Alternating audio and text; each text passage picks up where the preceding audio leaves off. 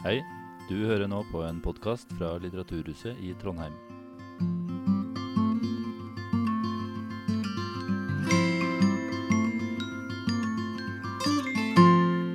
Bare han det, da. Tusen takk. Det her føltes jo nesten normalt å kunne gå ut en kveld og finne på noe. Så det var hyggelig at dere kom. Setter veldig pris på. Hyggelig, Tore Rem, at du tok turen også. Velkommen til Trondheim. Takk. Fint her i kveld, eller? Litt sånn grått kanskje, men Nei, fint. Ja. Fin by. ja. Eh, Såpass må jeg kunne smiske med forsamlingen. Vi føler jo litt Det, at, det, det slo meg. vi, føler jo litt at vi er en litt rojal by òg, med god grunn. Ja. Ja. Du, um, jeg tenkte å være bitte litt personlig aller først. Bare så folk her, siden dere selvfølgelig kjenner Tore Rem mye bedre enn dere kjenner meg, så uh, jeg er jo da født i 1980 og var ti år da kong Olav døde. Da eh, skulle jeg på besøk til tanteonkel tante-onkel i Oslo, og da var vi på Slottsplassen. For da var på en måte nasjonens bestefar død. Vi fikk til og med satt av tid i norsken for å bearbeide følelsene våre dagen etterpå at han døde. Og da, og da skrev jeg et dikt. Og det, og det begynte sånn her. Jeg, skrev ned det jeg Da. Kong Olav er død, det vet man. Kong Olav er død, men led han? Sånn starta diktet. Ja, det er bra. Og det var veldig mye eh, patos videre i det diktet. Og jeg var selvfølgelig den rare lille ungen som visste altfor mye. Og historien om Appleton House og sånn, det var jo ikke overraskende for min del. Men du, for meg på Slottsplassen der i snøføyka Det var jo sånn veldig fint at de hadde brøyta opp, Fordi da ble det liksom berg å sette lys i. Så var det som om nasjonens bestefar var død. Og det var en bestefar som var litt sånn stoisk, stor, trygg, lun bamsefar som ville oss alle godt, og som folk i Gudbrandsdalen der jeg kom fra, kalte for Laffen. Ja. Um, men når jeg har lest, jo mer jeg leser om kong Olav, og særlig i boka di, så får jeg et helt annet inntrykk fra starten av. En veldig usikker en, Han hadde lese- og. Og kong Olav, som kronprins Olav, sleit med å finne sin plass. Litt av en reise, eller? Ja, det skal jeg love deg. Um, det er jo Jeg tenker jeg tror det, Sånn jeg forstår han, så blir denne usikkerheten kommer sånn kanskje i tidlig ungdom, egentlig. Eh, for først så er han jo nå Framstår han som ganske trygg, da. Ganske bortskjemt. Eh, og det er ikke rart. Det skulle bare mangle. Eh, alene på et stort slott med disse to foreldra som ikke har et nettverk i Norge.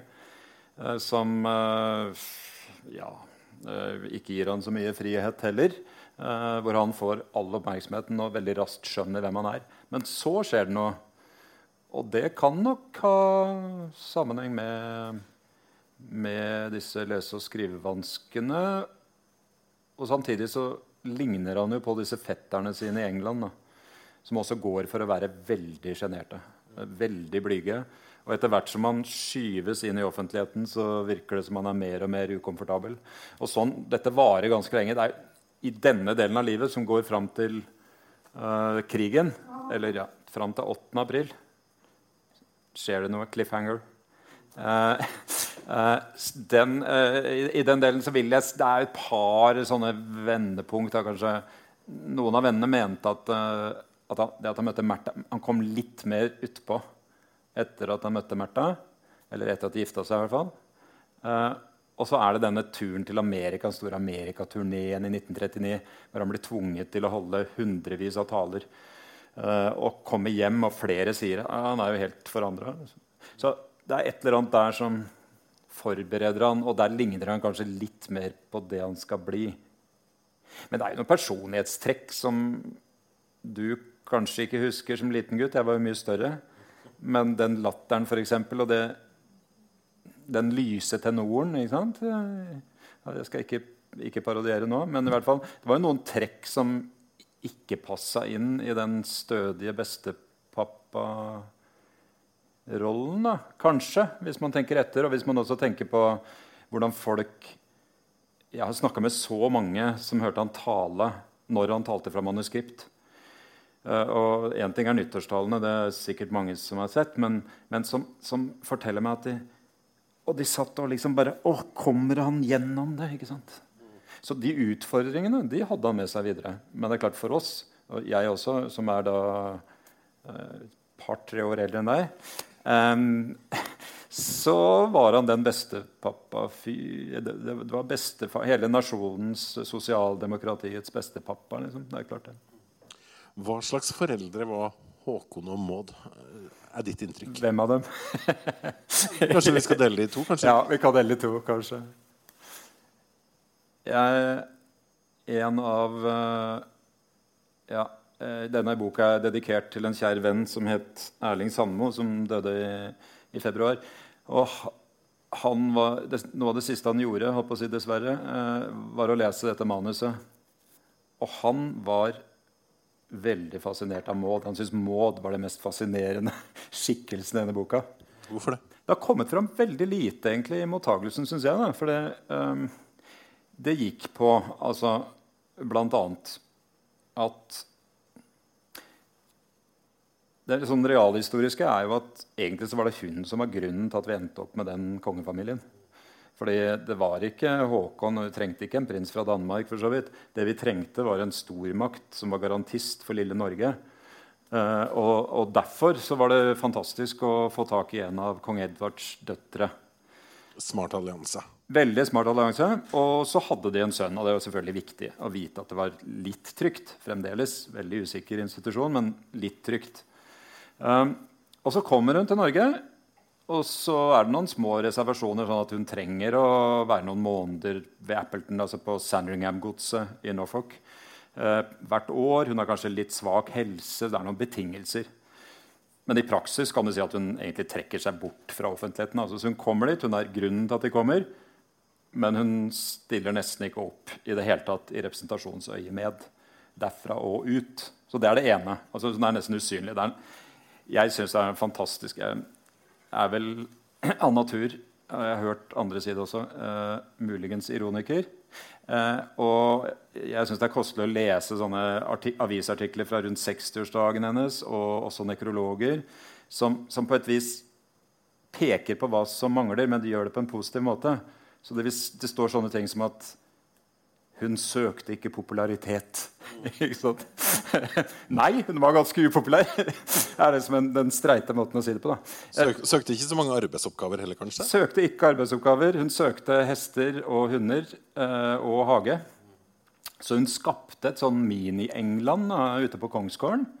Eh, og så dro hun så fort hun klarte, så dro hun over til Appleton eh, og var der i litt uh, større forhold. Um, og så var hun hun var åpenbart ganske sterk i det forholdet. Det liksom fascinerende ganske sterk i det forholdet til Håkon. virker det som. Hun gjorde akkurat som hun ville.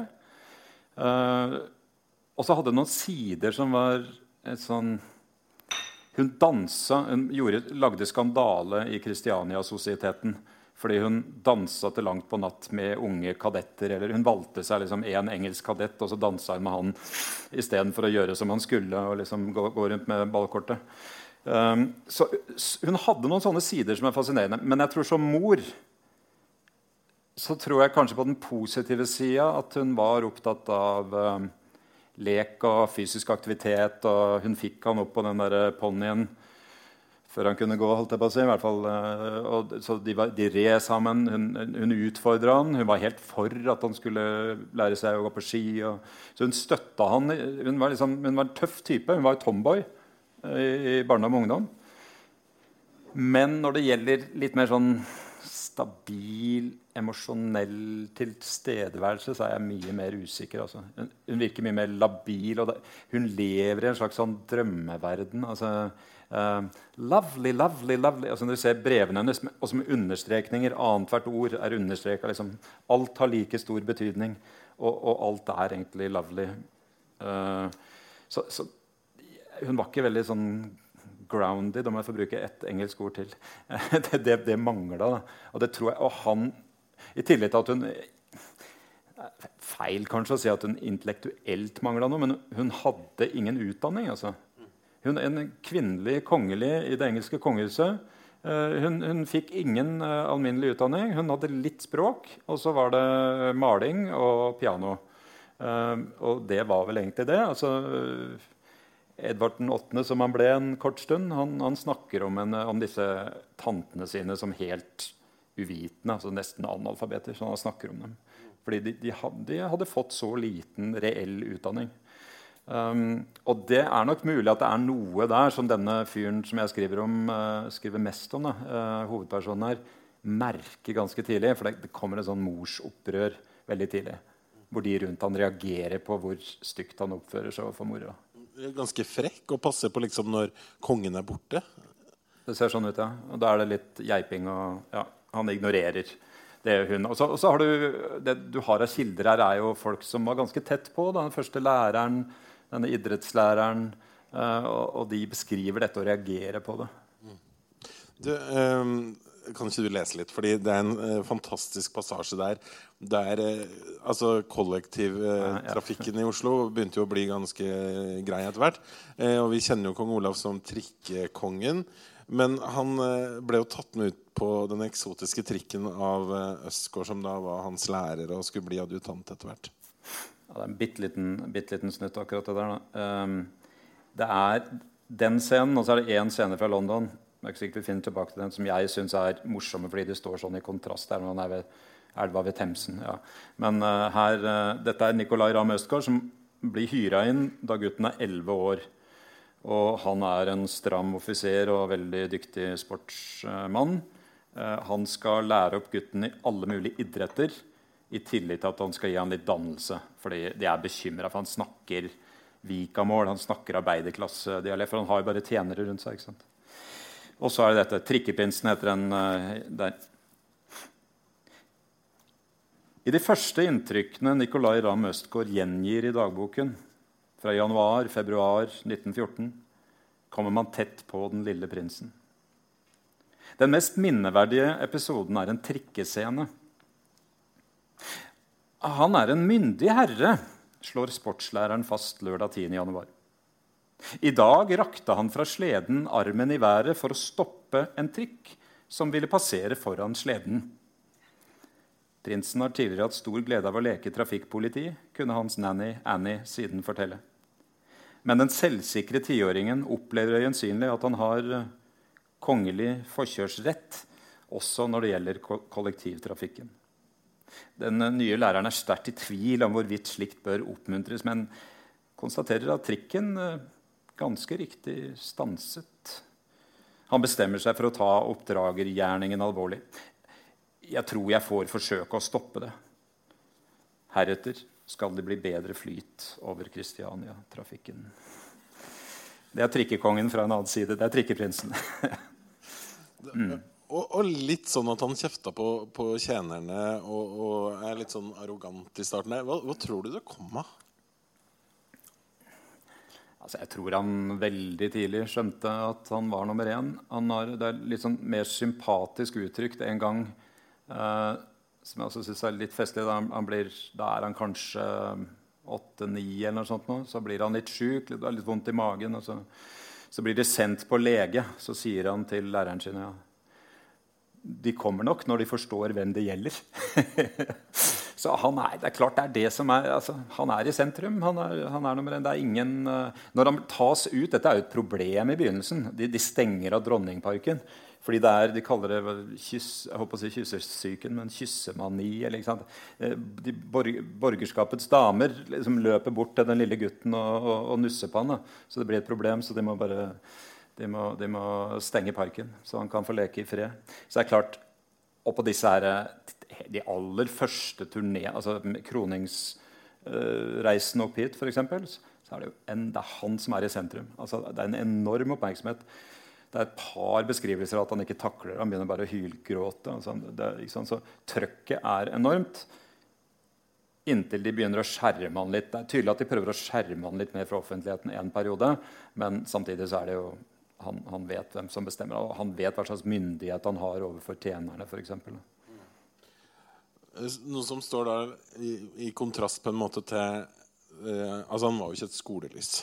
Det går jo ganske trått gjennom utdanningsløpet. Hvor stor bekymring tror du det var for kong Haakon? For Ja, det, det tror jeg, for da må vi huske kong Haakon. Ja.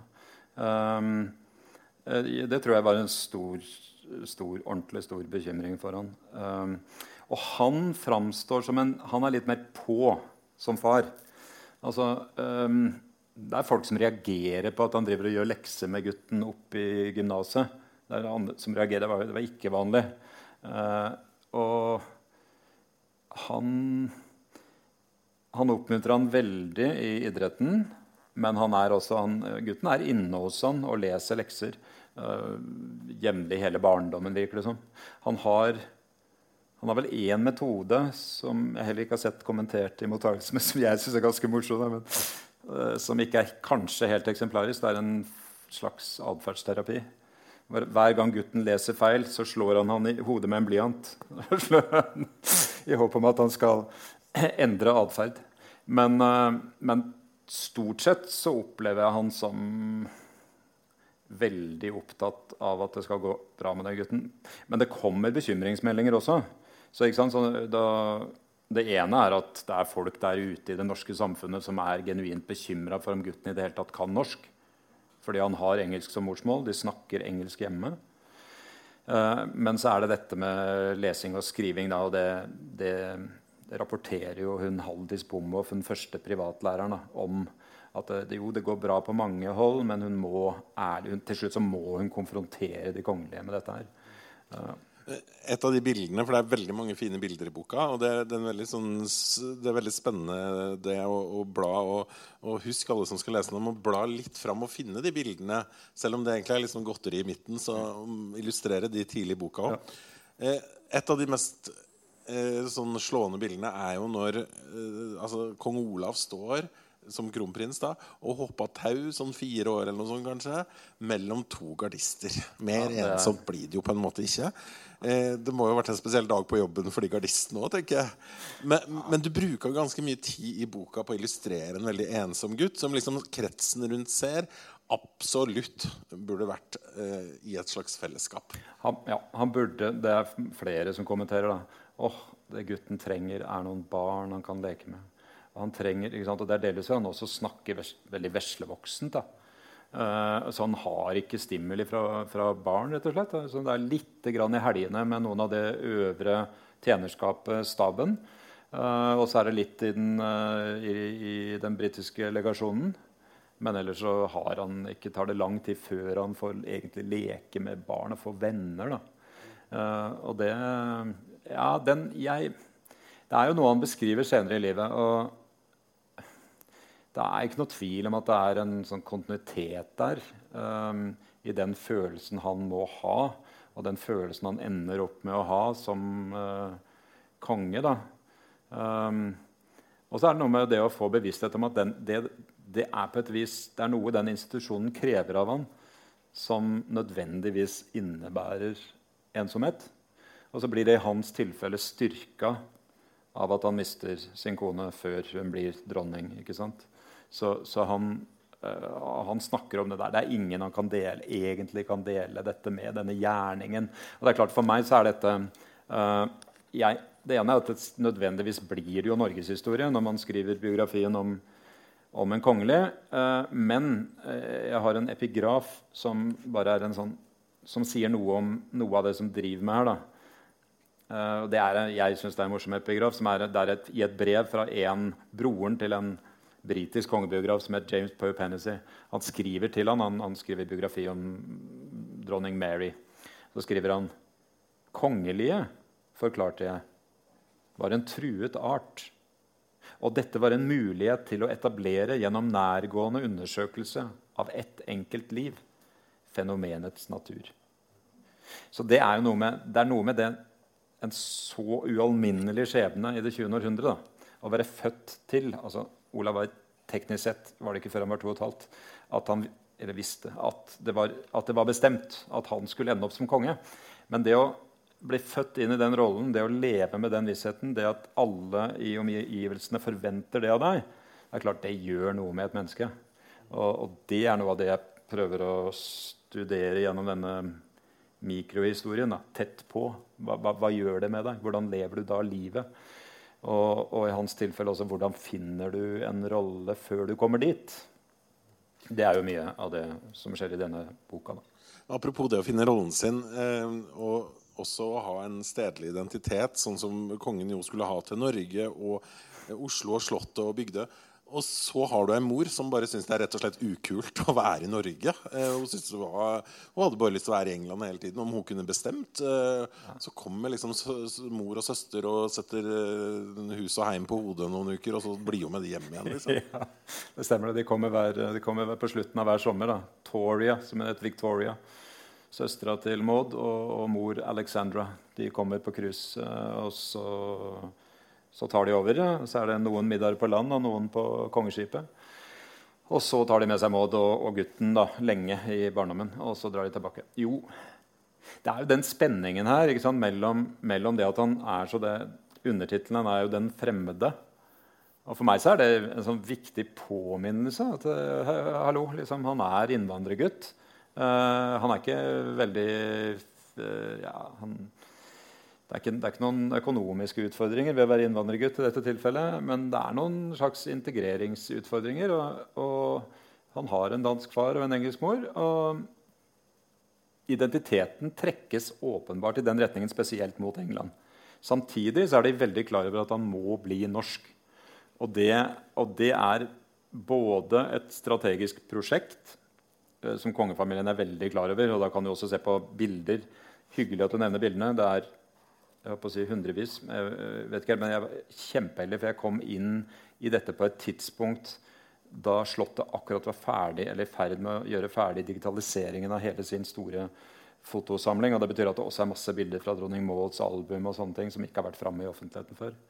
Um, men, men det, er, det, er den ikke sant, Vilse, den kjente norske fotografen, sant, er, blir henta inn nesten umiddelbart for å ta bilde av denne gutten på ski. Så man skal skape et bilde av en nordmann. Det er utrolig viktig. Og Samtidig så er det noe som er mye mer organisk enn det. som er at vi, Hvis, vi skal snakke, hvis jeg nå skal snakke på vegne av nasjonen, det er jo hyggelig et øyeblikk, eh, så ønsker vi Norge Kulturen ønsker seg jo så inderlig at gutten skal bli norsk. Eh, så, så noe skjer bare av seg sjøl. Altså sånn er det i i pressen. ikke sant? Så med en gang han hopper, så kommer seg på dere hoppskia, og så, så, er han jo norskere enn de norske. Han er ikke bare norsk, men han er norskere enn de norske. Så, så det er en voldsom investering i å gjøre han norsk. Hvor viktig var denne bitte lille kongefamilien som nasjonsbyggere? vil du si?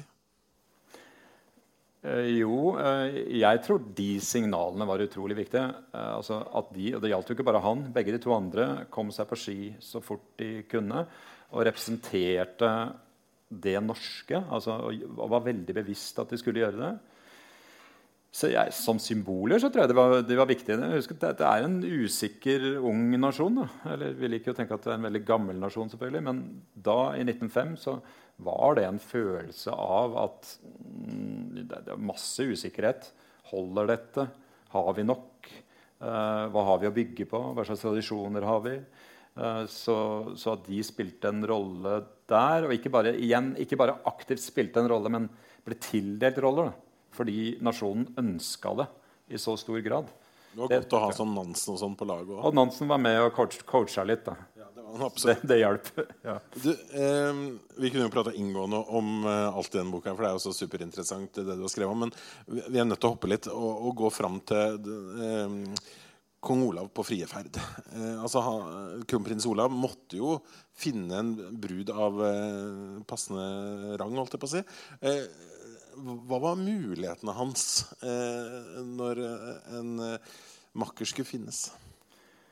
Eh, det var eh, begrensa til adelskalenderen.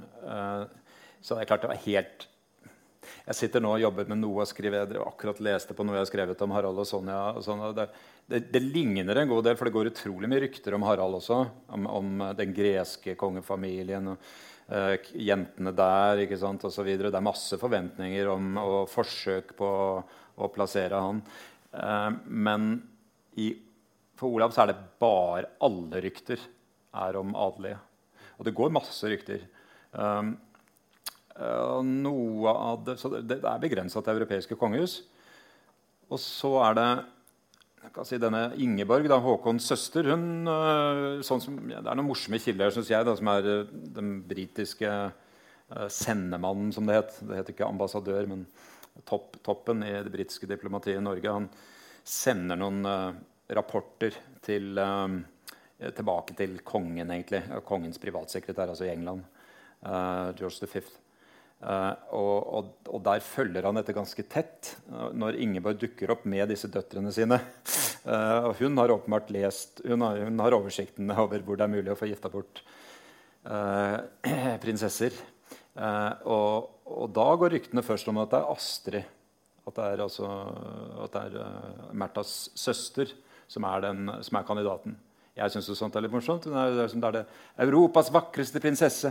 Så blir hun gifta bort. Da er det jo Märtha som raskt blir Europas vakreste prinsesse. Men, men, det er veldig begrensa. Og han um, det tyder, alt tyder på altså Det er noen som er litt sånn usikre på om han egentlig er interessert. Nå det nærmeste Østgård annet, er, usikre på er han interessert i jenter. Liksom? Men, det, men, det, er klart han er veldig holdt. da og livredd for å vise følelser og vise interesse i en spesiell retning. Um, men, men, de har kjent hverandre ganske lenge, da, disse to. Altså, det er jo da kusine. Uh, og de har vært i familieselskaper, spesielt i Danmark sammen. Samtidig så har jo forholdene mellom svenskene og nordmenn ikke vært, det har vært litt mer uh, touchy, litt vanskelig. Uh, og så ja, etter hvert så viser det seg at ja, det er egentlig først ved under olympiaden i Amsterdam i 28 at folk rundt skjønner at det er de to. Og det er da han skriver tilbake til foreldrene med e, liksom koda telegram og åpenbart har uformelt har forlova seg. Altså. Da, da, da, går de for det, men med mye motstand. Så det er jo noe av det interessante her. Da. Altså Maud for eksempel, er jo veldig imot den alliansen. Ja, Nok en allianse på gang. Men du, hvor, mye, hvor mye diskusjon var det rundt det her med at de var fetter og kusine?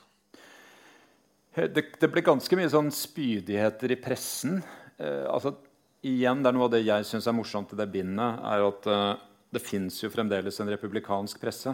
Altså, Arbeiderpartiet, så arbeiderpressen, kommunistpressen, er jo imot kongedømmet. Og det betyr at de skriver litt friere, litt uh, mer ironisk, uh, litt skarpere enn det man har gjort i Norge i pressen siden 1935.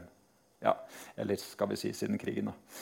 Sånn det, det, det, er mye skarpere ytringer, og da er det folk som harselerer med at uh, sant, dette kommer til å gå helt gærent. Ja, ja, morsomt nok, liksom. Men, men også folk som er glad i dem, sier liksom, men hvordan, hva slags barn skal det bli av dette? Altså, det sånn, og, og, Olav sørger jo for å få en slags utredning da, privat fra en uh, en uh, arve, uh, arvelighetsekspert, den fremste arvelighetseksperten, som sier at det er greit.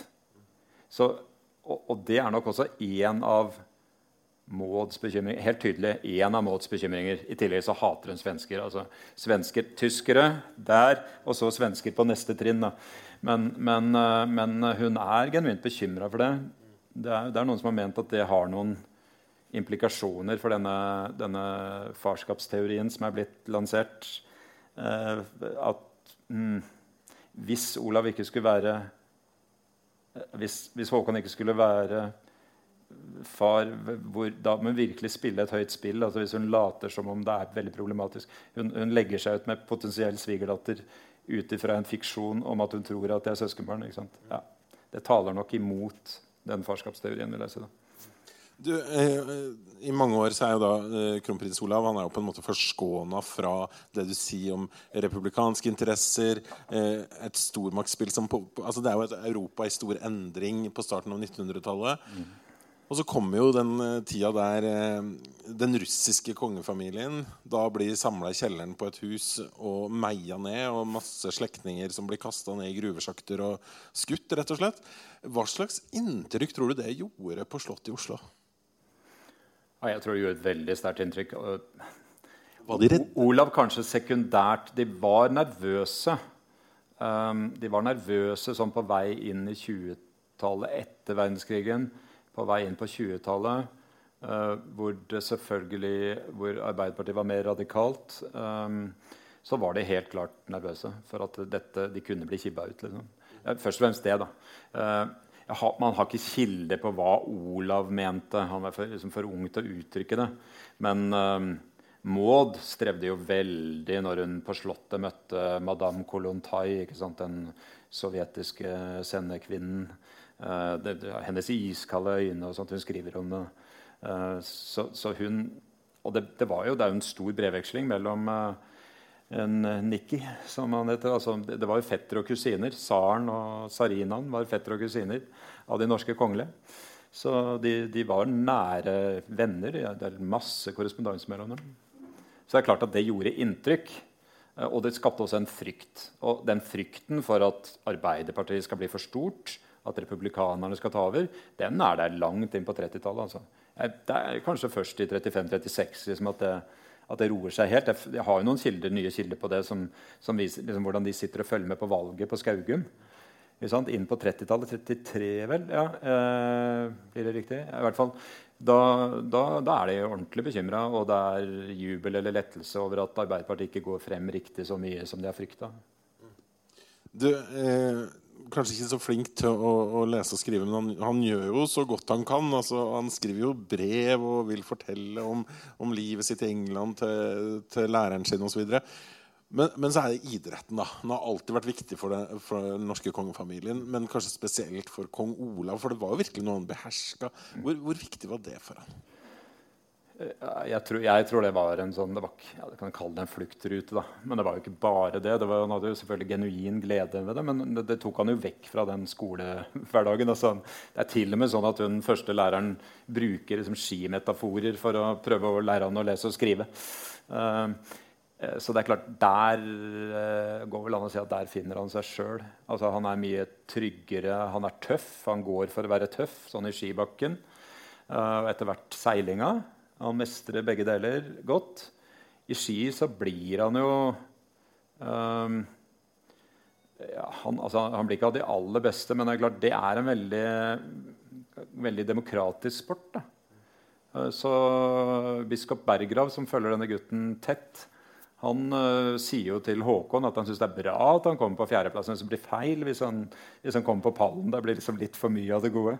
Um, så det passer seg for en kongelig å komme på fjerdeplass. Han får uansett veldig mye mer applaus. Dette er jo sånn som satirebladene skriver om. da. Kommer det en Blikkenslager-sønn fra, fra ja, la oss si Telemark Det er ikke så mange blikkenslagere der, men, men um, så, så, er det sånn. Men kommer en prins som hopper ti meter kortere, så er det sånn. ikke sant?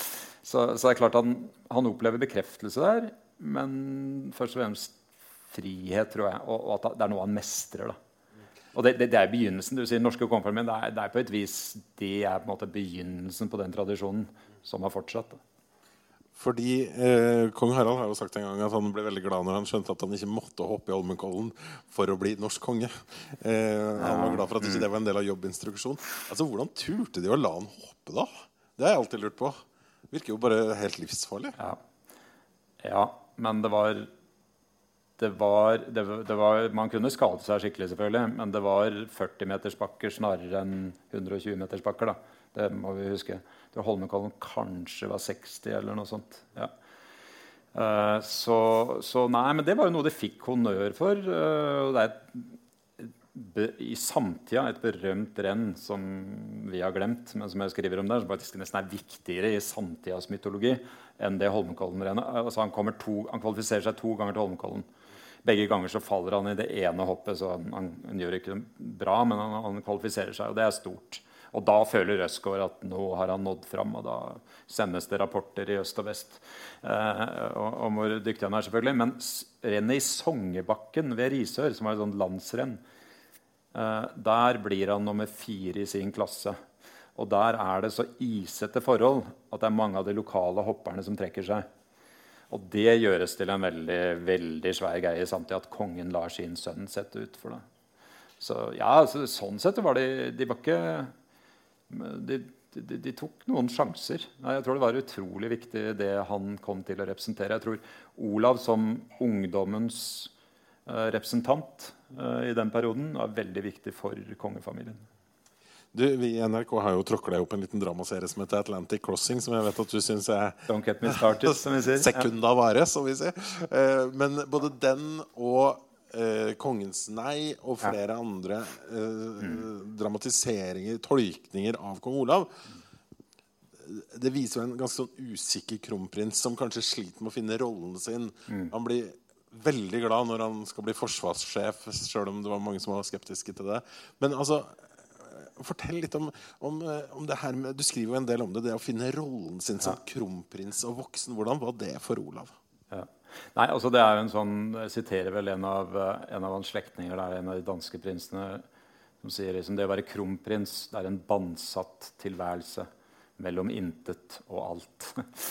Det er ingen definert rolle. Han, er, det ingen som, han hadde ikke noen forgjenger. Altså, mor peker selvfølgelig på prinsen av Wales. Eh, Hvor- men hvor kunne, han? han var veldig stor fan av han. Men han kunne boltre seg litt mer da, og dra på turné rundt i imperiet. og sånt, og Det, det var ikke like stort ja, like, like mange muligheter for å gjøre den type ting som norsk kronprins.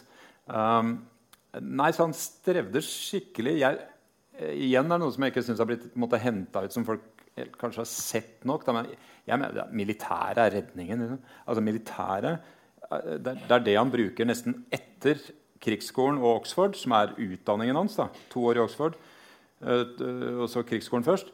Etter det så bruker han all tid som ikke går med til å drive gård på Skaugum, eh, og lite grann representasjon, det går til militærøvelser. Etterutdanning, videreutdanning i militæret. Det er liksom, Han blir militær. Og det er det som er jeg mener, sånn helt feil i Kongens nei. da, som eh, om jeg tør si det til en NRK-journalist, er en kunstnerisk mye mer vellykka film enn denne TV-serien som går nå. Det som er helt feil der, er at han er liksom, liksom virret. Altså, han går, alle kilder tyder på at han går inn i modus. Altså, når krigen kommer, så er det yes. Liksom. Da er han, For han har øvd på å være militær hele 20- og 30 eller siste alder av 20-tallet, hele 30-tallet. Han går inn i modus. Han er den som løper inn på Gorder gård ved Elverum og skrur av lyset når de kommer. ikke sant? Han er den som vet hvordan ting skal gjøres. Så, så, det, så der er han stø. Det er der han, det er der han har trygghet sånn profesjonelt. Uh, og jeg vet jo også at han i ettertid sa at han mistrivdes veldig med kronprinsrollen. Uh, jeg har jo så det var En av kritikerne sa sånn, å ja, det blir liksom litt vel mange hundeutstillinger. sånn.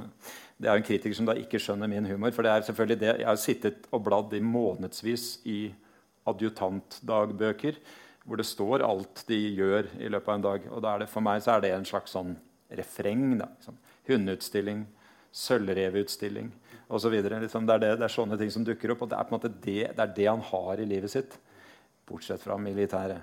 Som, eh, ja. Og så er det en personlig side som, som handler om å bli landets første familie og landets første hjem. At Skaugum bygges opp til, til et viktig forbilde for hva skal vi si, middelklasse-Norge. Kanskje for hele Norge.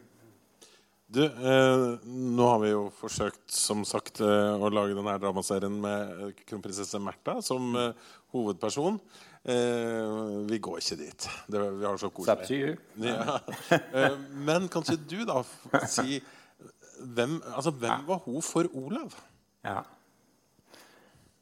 Nei, altså det Jeg er helt for at eh, Märtha skrives ut mer. Altså det er jeg. Jeg bare tror hele premisset er feil. Altså Premisset i den serien Jeg skal ikke gå langt inn ennå. Bare, bare premisset der er at ja, vi vet at Å, jeg fant ut at hun var mye sammen med Roosevelt. Altså hadde hun enorm politisk innflytelse. Det er bare feil premiss. sorry liksom. men, og, det, og Da er det helt aktverdig å skrive fram kvinner, men det fins masse kvinner som faktisk var viktige under krigen. Skriv heller fram dem. Men, men, eh, men hun, hun er gåtefull. Altså, jeg, det, er ikke, det er ikke lett, og det fins nesten ikke personlige brev. Veldig lite. Eh, Så det, det er vanskelig å høre en stemme. Jeg, jeg, det er noen få. Det kommer litt i neste bind med krigsbind og sånt. Men, uh, hun er jo en prinsesse som hun har på et vis blitt eh, oppdratt til å, å bli eh, eh, fyrstelig husmor. Det, liksom, det investeres veldig mye i det når hun kommer. De første avisartiklene når hun kommer til Norge. Det er, så er det husmor, hun er huslig. Hun er, altså det, er, det er veldig veldig viktig. da. Og det blir hun også på Skauge. Altså hun blir en slags sånn overbestyrer. Det er klart Hun står ikke der og lager maten, stort sett, da, men hun passer på, hun er veldig involvert i det. Hun er involvert i hagebruk og alt sånt. Men for han så tror jeg det vi i hvert fall vet, ut fra venners beskrivelse av det, sånn, er at hun, uh, hun hjelper han utpå. Hun er mer ut av, hun kan også være blyg, hun kan klage over at hun ikke liker å stå foran forsamlinger. og sånn. Men, men hun, hun, er likevel, hun forstås som mer utadvendt. Uh, hun har humor. Uh, hun hjelper han utpå, rett og slett. Det er liksom at det, Noen av vennene beskriver i hvert fall at gjennom det møtet og videre i den relasjonen så blir han ganske avhengig av henne. Og, og hun på en måte støtter han, skyver han fram, står i bakgrunnen. Altså I, i 39, da hun vært gift i ti år, så holder hun sin første bitte lille tale i USA. Og da sier hun stort sett ikke så mye mer enn at 'jeg er ingen taler'. Så, så, det, så hun er i bakgrunnen, altså. Um, og, og, det er på en måte rollen hun er blitt tildelt. Men, men, for han så utgjør hun nok en veldig stor trygghet. Og det er selvfølgelig ingen som tar hennes plass. Det, altså, eh, den her Nikolai Østgaard har en veldig viktig rolle. Eh, helt fra han er lærer for kronprins Olav, og så blir han adjutant og, og, er med på hele livet deres. på en måte. Det er jo en fantastisk skildring der fra jul på Sandringham, når han får bli med dit. Og prinsesse Victoria setter seg på plate. Platesamlinger. Ja. ja. Og knakk den, rett og slett. Ja, hun knakk, knakk den koden. Ja, det var kjedelig Nei, De sendte til Harrods, må de telegraferte umiddelbart for å få nye plater. Ja. Ja, det mm. Så lett kan det, det er sånn som skjer. Men det er jo en Du, du beskriver jo så godt den jula eh, på Sandringham med den britiske kongefamilien som noe helt vanvittig og lukka og utrolig. Men kan man si at Olav og Märtha på en måte representerte en slags um, generasjon som ble litt mer dytta ut av de her trygge rammene, ut litt mer i massemedia og var forventa å dele litt mer av det private? Ikke, altså, det, jeg syns det er morsomt at du setter pris på den delen. For det, det er noen unike kilder inn i Sandringham-livet der som kom pga. Østgård. Altså, den beskrivelsen. Edvard, altså, Prinsen av Wales kalte det 'Dickens in a Cartier setting'. Altså juveleren Cartier. Um, uh, veldig merkelig og snodig og veldig beskytta. Og Maud var jo det hele livet beskytta i den settingen. Um, Hun bodde i bomull, ser det ut som. Altså, det helt, ja, eller silke. Ja. Uh, ble de dytta ut Jeg tror det er et sjokk for dem når de kommer til USA i 39. Altså, da blir de dytta ut. Da, da, er det altså er det 300 eller 400 taler han holder. Eller er det flere? Ja. I hvert fall, Det er hundrevis av taler. Eh, de må det som heter 'shake hands'. Det er helt nytt. Altså, de vil, amerikanerne vil shake hands. og det er helt nytt for de norske kongelige. Altså, sånn, sånn, gjør man ikke. Man, sånn, man, man vinker uh, på avstand. Så det er en medietrøkk som er veldig fremmed. Og det, det kommer ikke før i, i 39 at de opplever det første gangen. Men de opplever nok altså, jeg, jeg, legger vekt på to reiser i det bindet her. og Det første er reisen over Finnmarksvidda i 1934. Det fine med det er at du treffer ikke så mye folk, men, må man kunne si. Men, eh, men, eh, likevel så ble det sett på som utrolig viktig. Da. Og, og Olav ender jo opp med å bli reisekongen. ikke sant? på en helt annen måte enn faren. Altså Faren reiser veldig lite i Norge. Men Olav på et tidspunkt litt ut på 30-tallet, skjønner han at dette lønner seg. Altså Folket vil se de kongelige. Vi må være til stede. vi må være der ute. Så Sånn sett tror jeg det er riktig. Men når det gjelder å gi av det private De gir ikke intervjuer. Altså, ikke så, så første intervjuet er jo, er jo i Amerika. Eh, og Eh, det er helt sånn policy når også utenlandsk presse melder seg. sier nei, det, nei, det norske kronprinsparet gir ikke intervjuer. Eh, det de gir er at de, Men det handler litt om konstruksjonen av denne første familien. Da. De gir ut sånne julebøker med bilder av familien på Skaugum. Og etter hvert som den vokser, så får du disse julebøkene som er for charity, da, men, men, som samtidig skaper et bilde av en harmonisk, uh, lekende uh, lykkelig uh, ung kongefamilie. Tror du, tror du, kong Olav tenkte at han skulle bli en veldig annerledes far enn den oppveksten som han hadde hatt?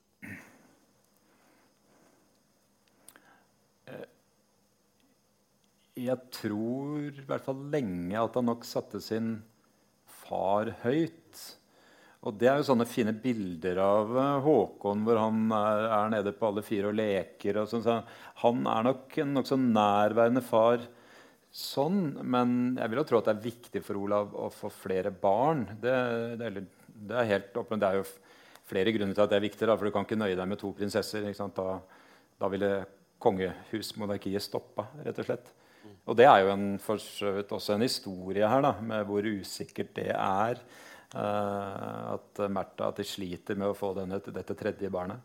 Um, som rolle Jeg tror, jeg tror ikke han Jeg tror han hadde opplevd den tross alt Tross alt med det forbeholdet og Maud nærværende foreldre til å være kongelige. Jeg tror, hvis du sammenligner med de britiske slektningene, så har det mye større avstand mellom barn og foreldre enn det var der. Så han tar med seg det. Samtidig er det klart at han var en, en far av den tiden. Så det var ikke sånn at han brukte veldig mye tid på å leke med barna sine. Når, også litt senere, sånn som prinsesse Astrid for eksempel, minnes det. Da, så, så, likte han jo heller ikke å lese høyt. ikke sant? Så, så det, han stoppa, eller han begynte å lese inni seg. Ja, det, var liksom, det, ble ikke så mye ut av det heller. Så, men, men han, de, de, var, de, var, i hvert fall De framstår jo som en type normal, normal middelklassefamilie på et vis. da.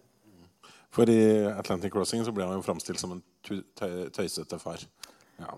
Jeg tror han, han, hadde en viss autoritet, og han hadde, det, hadde de plukka med seg. Der, for så vidt. Altså, han hadde jo et voldsomt temperament.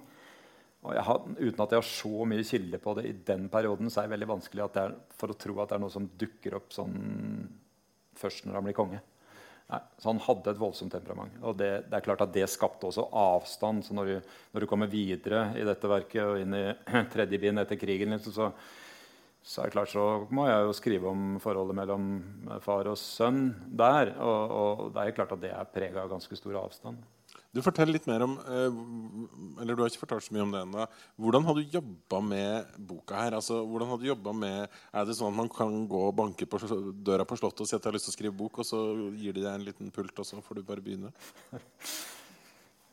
Ja Det er ikke så det var ganske nært, annerledes enn det, egentlig. Nei, det er ikke det. Altså, det er klart, Jeg har jo hatt en forgjenger her da, som er Tor Boman Larsen, som har skrevet uh, åtte bind om kong Haakon og dronning Maud, etter hvert kong Haakon. Uh, og vi er på samme forlag, og vi begynte å diskutere, jeg og forlaget begynte å diskutere denne ideen uh, etter hvert. Og da måte, jeg var moden for det og tenkte at det er faktisk spennende nok til at jeg syns det, det, skal jeg bruke en del år av mitt liv på. Så, så skrev vi, bare henvendte oss til Slottet og sa vi mener at dette er en, uh, en god idé.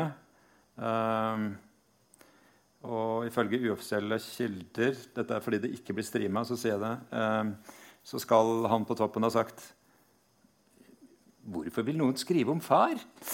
Men, uh, men uh, det er uh, det, det, gikk egentlig greit. Veldig sånn forsiktig først. ok, greit, Du kan slippe det på noe, og så ble det mer og mer. Så det, kan si, så det som har vært mitt privilegium her, i tillit til å være i 18 andre arkiver rundt omkring i Europa og, og i Norge, og masse personarkiver, masse privat, sånn, er å få tilgang til Olav-arkivet ved Slottet, da, som ingen andre har sett på. Heller ikke Boman Larsen. Uh, så både ha tilgang til Håkon og Maud-arkivet, men også dette Olav-arkivet, som er, som er, Det er ganske mye, men det er selvfølgelig også begrensa, fordi han, uh, han, ødela veldig mye. Da.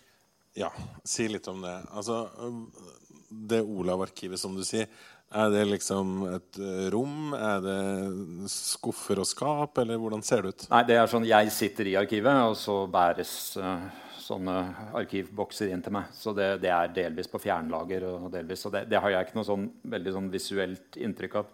Men det er jo Jeg vet ikke hvor mange, mange boksere kan være. Men det er, det er, klart det er ganske stort skriftlig materiale. Er det brev? Dagbøker? Brev, eh, bare, Dessverre bare en sånn ansats, så vidt det er en ansats til dagbok. Eh, alle, alle, sier at det førte han ikke, og det kan jo ha noe med dysleksien å gjøre. Eh, men på ett sted i et intervju jeg tror det er rundt 70-årsdagen så sier han jeg, jeg førte dagbok en gang, men det sluttet jeg raskt med. Men who knows? Altså, hvis Finner jeg den, så hadde det vært fint, men den, den, er ikke der. altså. Så det er en del brev, og så er det mye sånn dokumenter som går på skolegang. Uh, alt, fra, og det er liksom, uh, alt fra ulike sertifikater til, til pass, til uh, under ulike navn. Til, altså det, er, det, er, et veldig bredt materiale. Da. Til kabinettsekretærer og hoffsjefer og dag, dagbøker fra Det er noe av de mest verdifulle kildene. Altså. Fra hoffsjefer, folk som har vært tett på. Og det inkluderer jo Østgård, som egentlig det kom fra et privatarkiv, men det er nå overført uh, til Riksarkivet. Men det, det, det, Man får sjelden deres stemme. Og for meg så er det veldig annerledes. Altså, jeg har jo skrevet om forfattere inntil nå. Og, og også forfattere med ganske hva skal vi si, uh, sterk evne og vilje til selvframstilling. Uh, så det har vært en overflod av skriftlig materiell som i hvert fall pretenderer til å, til å vise deres indre liv. Da. Altså, de går langt i å utlevere seg. Mens her er det det motsatte problemet. Altså, det, er, det, er, det, å finne en stemme, det å høre en personlighet som ikke bare er institusjonen. Det tok tid. En stund så trodde jeg at nei, det, det får jeg ikke det, det, blir ikke så. Jeg bare om jeg får bare skrive om hvem han var som institusjon, og hvordan han ble framstilt i media. Uh, og der hadde jeg jo den der lille for meg, lille sånn gull... Jeg hadde jo egentlig tenkt, Hvis jeg hadde hatt et medgjørlig forlag, så hadde den boka het, eller verket het It. Men det ville ikke forleggeren være med på. jeg vet ikke. Nei, for det, det, var noe jeg fant i, i uh, Det var også en gratulasjonstelegrammer selvfølgelig til uh, foreldrene da han ble født. Og da skriver en av de danske slektningene jeg, jeg, jeg syns det, det, var så fint at da han var i, i Mauds mage, så kalte dere han It. Den eller det jeg, Kanskje det er litt upersonlig. Eh, men jeg syns det ble et veldig sånn fint bilde på institusjonen. At dette er både at han skal formes til noe, men også at han skal være it. Han skal være institusjonen.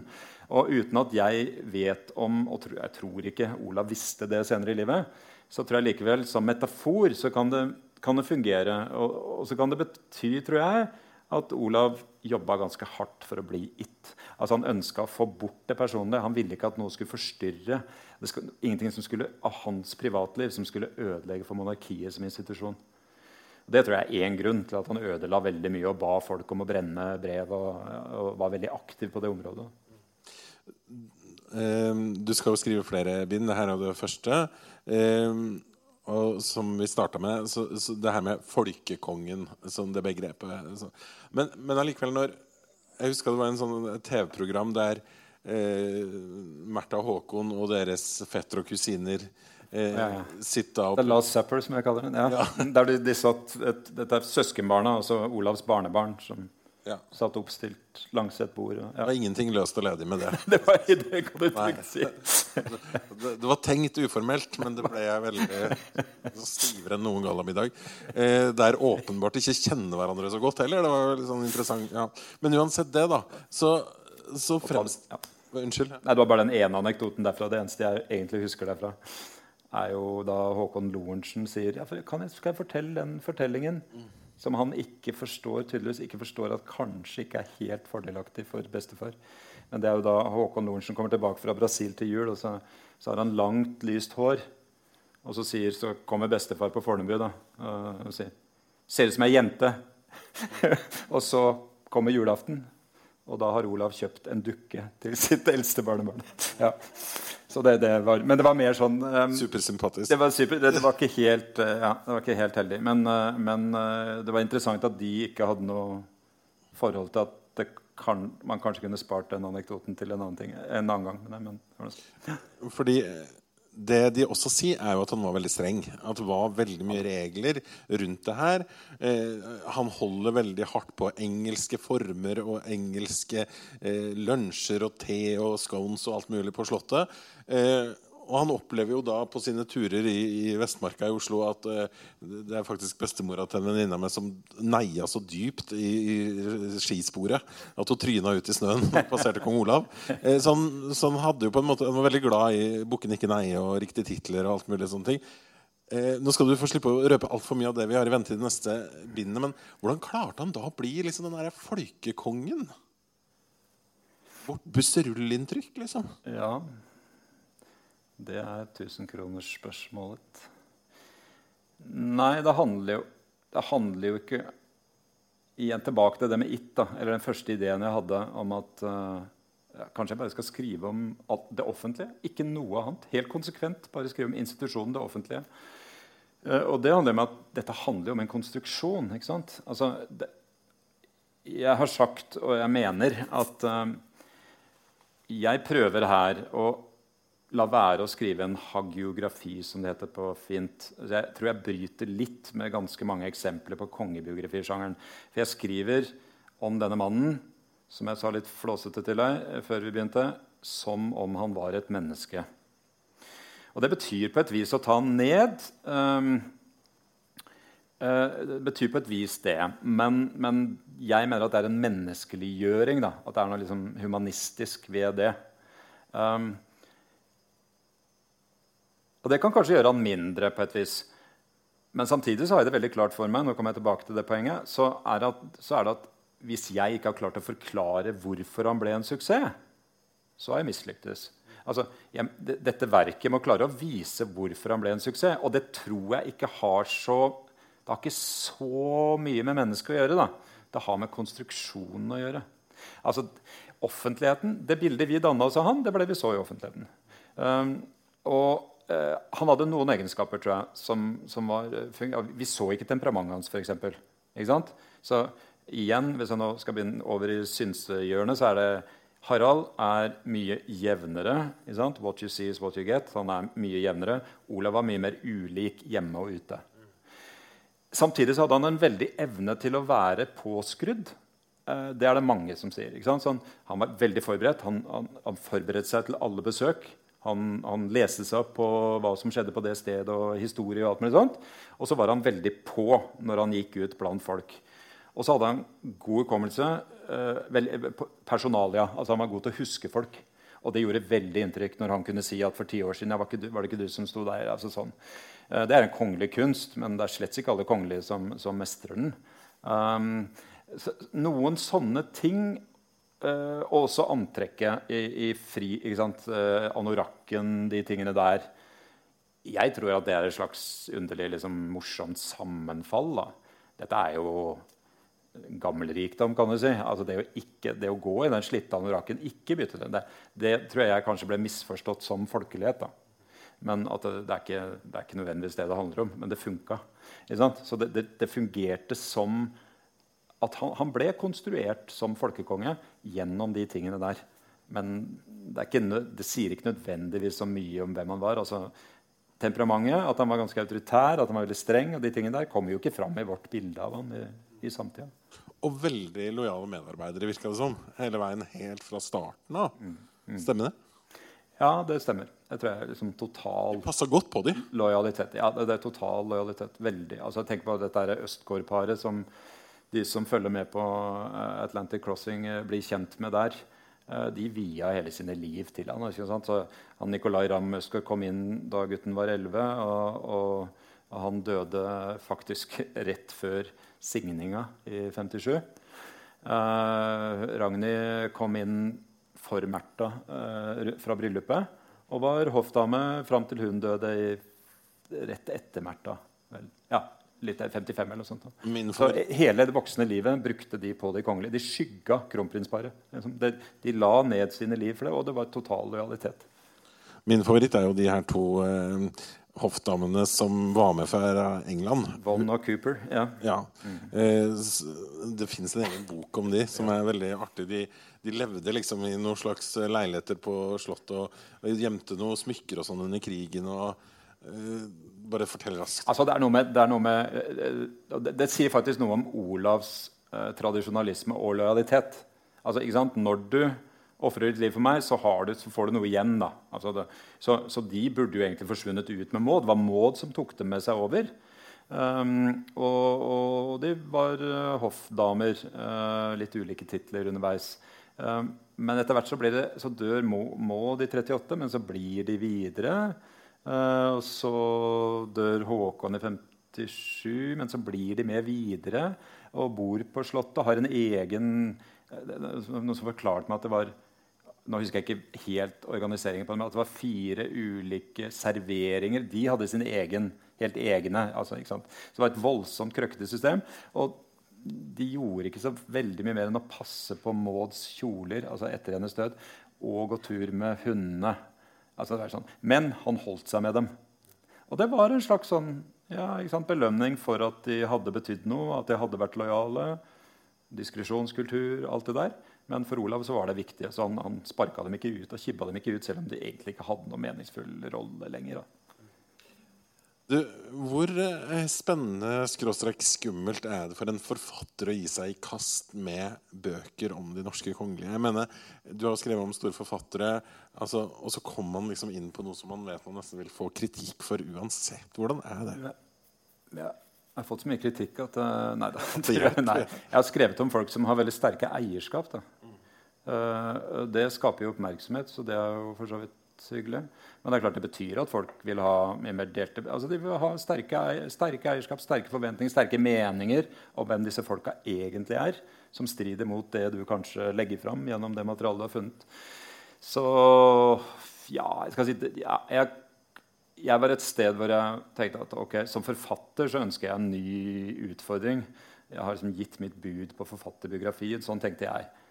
Er det mulig å skrive en kongebiografi som liksom, har noe litt mer ved seg? Da, som er litt mer uærbødig, litt som, som, rett og slett skriver om et menneske som historiserer, som det heter på fint, uh, dette mennesket?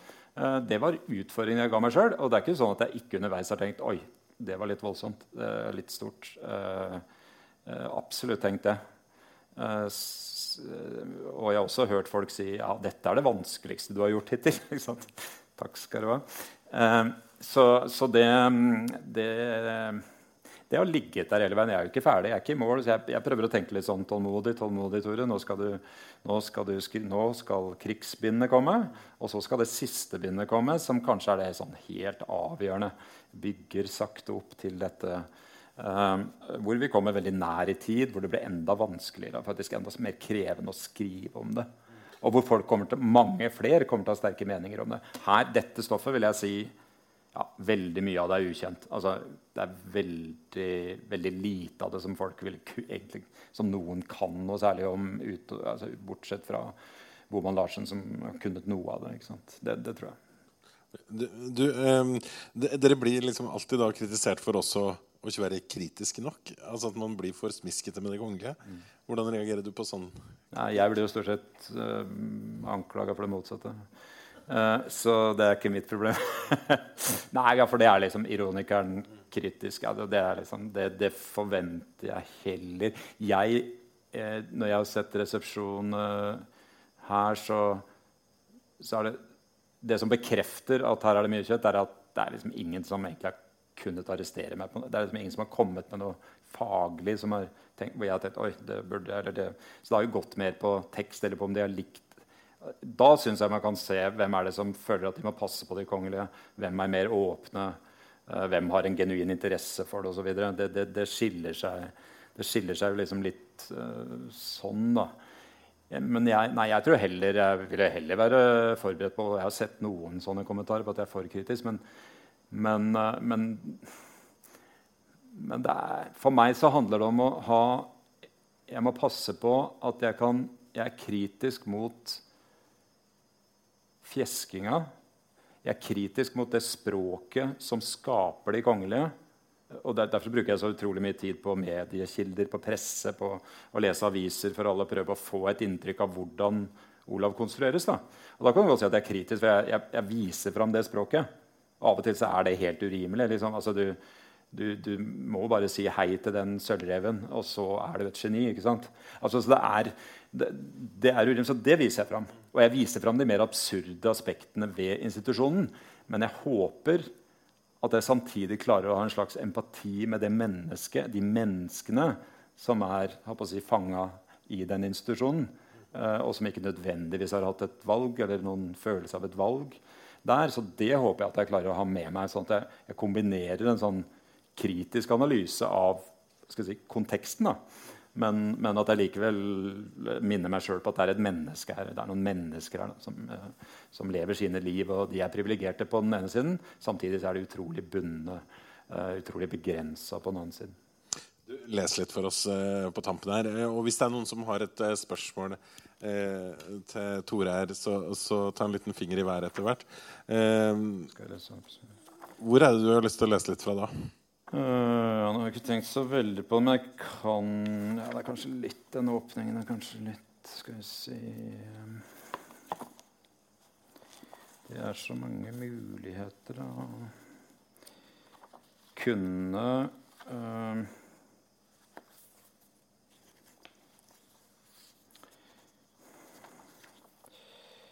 Har du en uh, favoritt?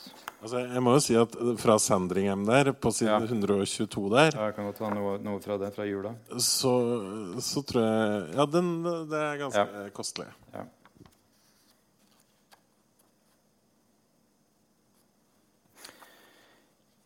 Engelsk jul. I det meste av barndommen og deler av ungdommen, med verdenskrigen som unntak, første verdenskrig, var den norske kronprinsens jul engelsk. På Sandringham feiret de selve julaften etter tysk tradisjon. Først med utdeling av kjøtt til tjenerskapet ved vognhuset borte ved stallene. Så med juletre og gaver i The Big House. Fetter David skulle siden karakterisere det som Dickens i en Cartier-setting.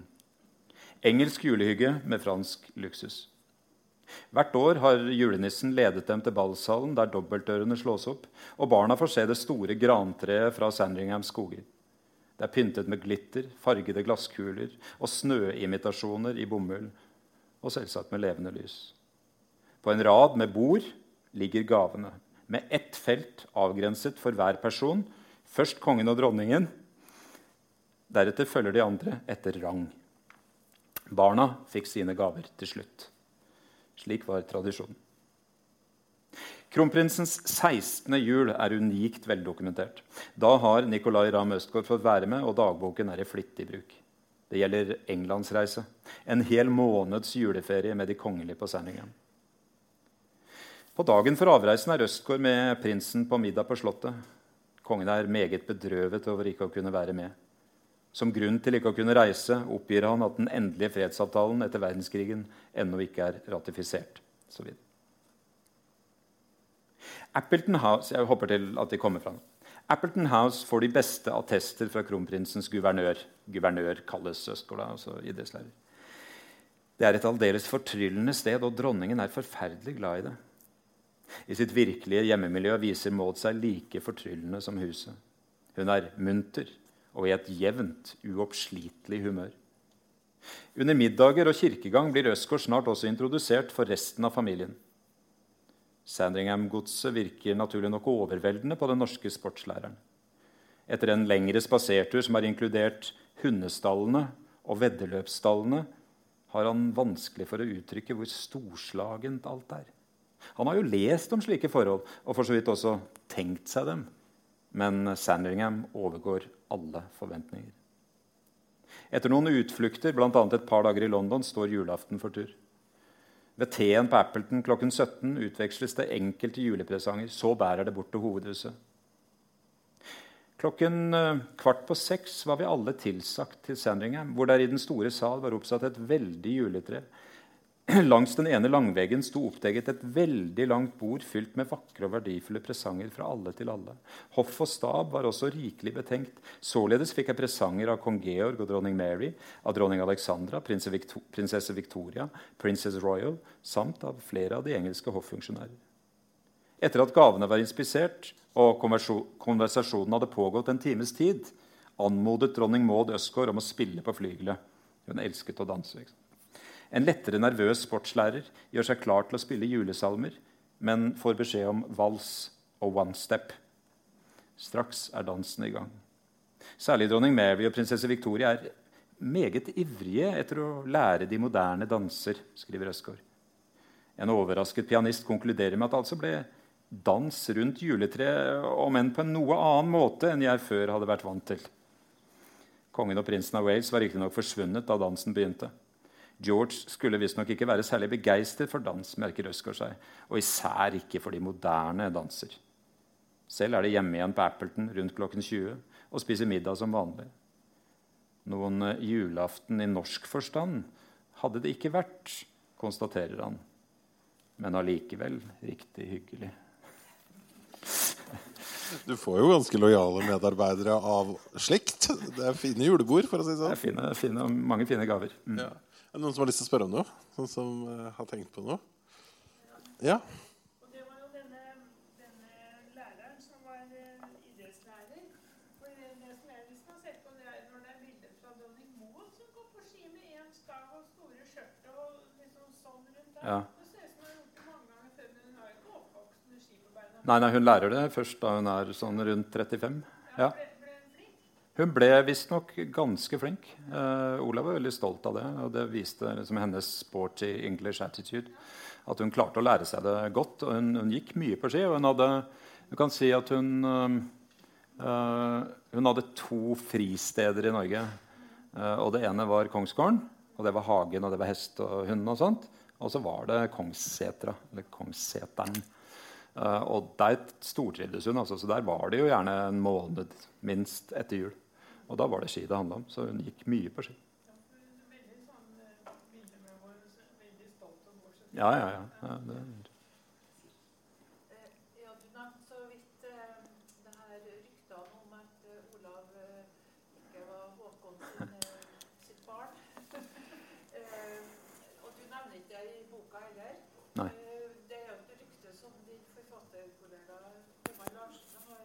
Ja.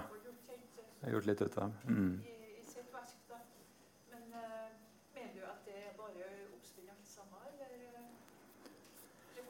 Altså, det er flere Nei, er, jeg har en liksom, eh, slags plan, da. Men eh, jeg mener at Eller det er flere historikere som har skrevet, skrevet om det etterpå, som har vært ganske kritiske og plukka fra hverandre indisierekken her. Altså.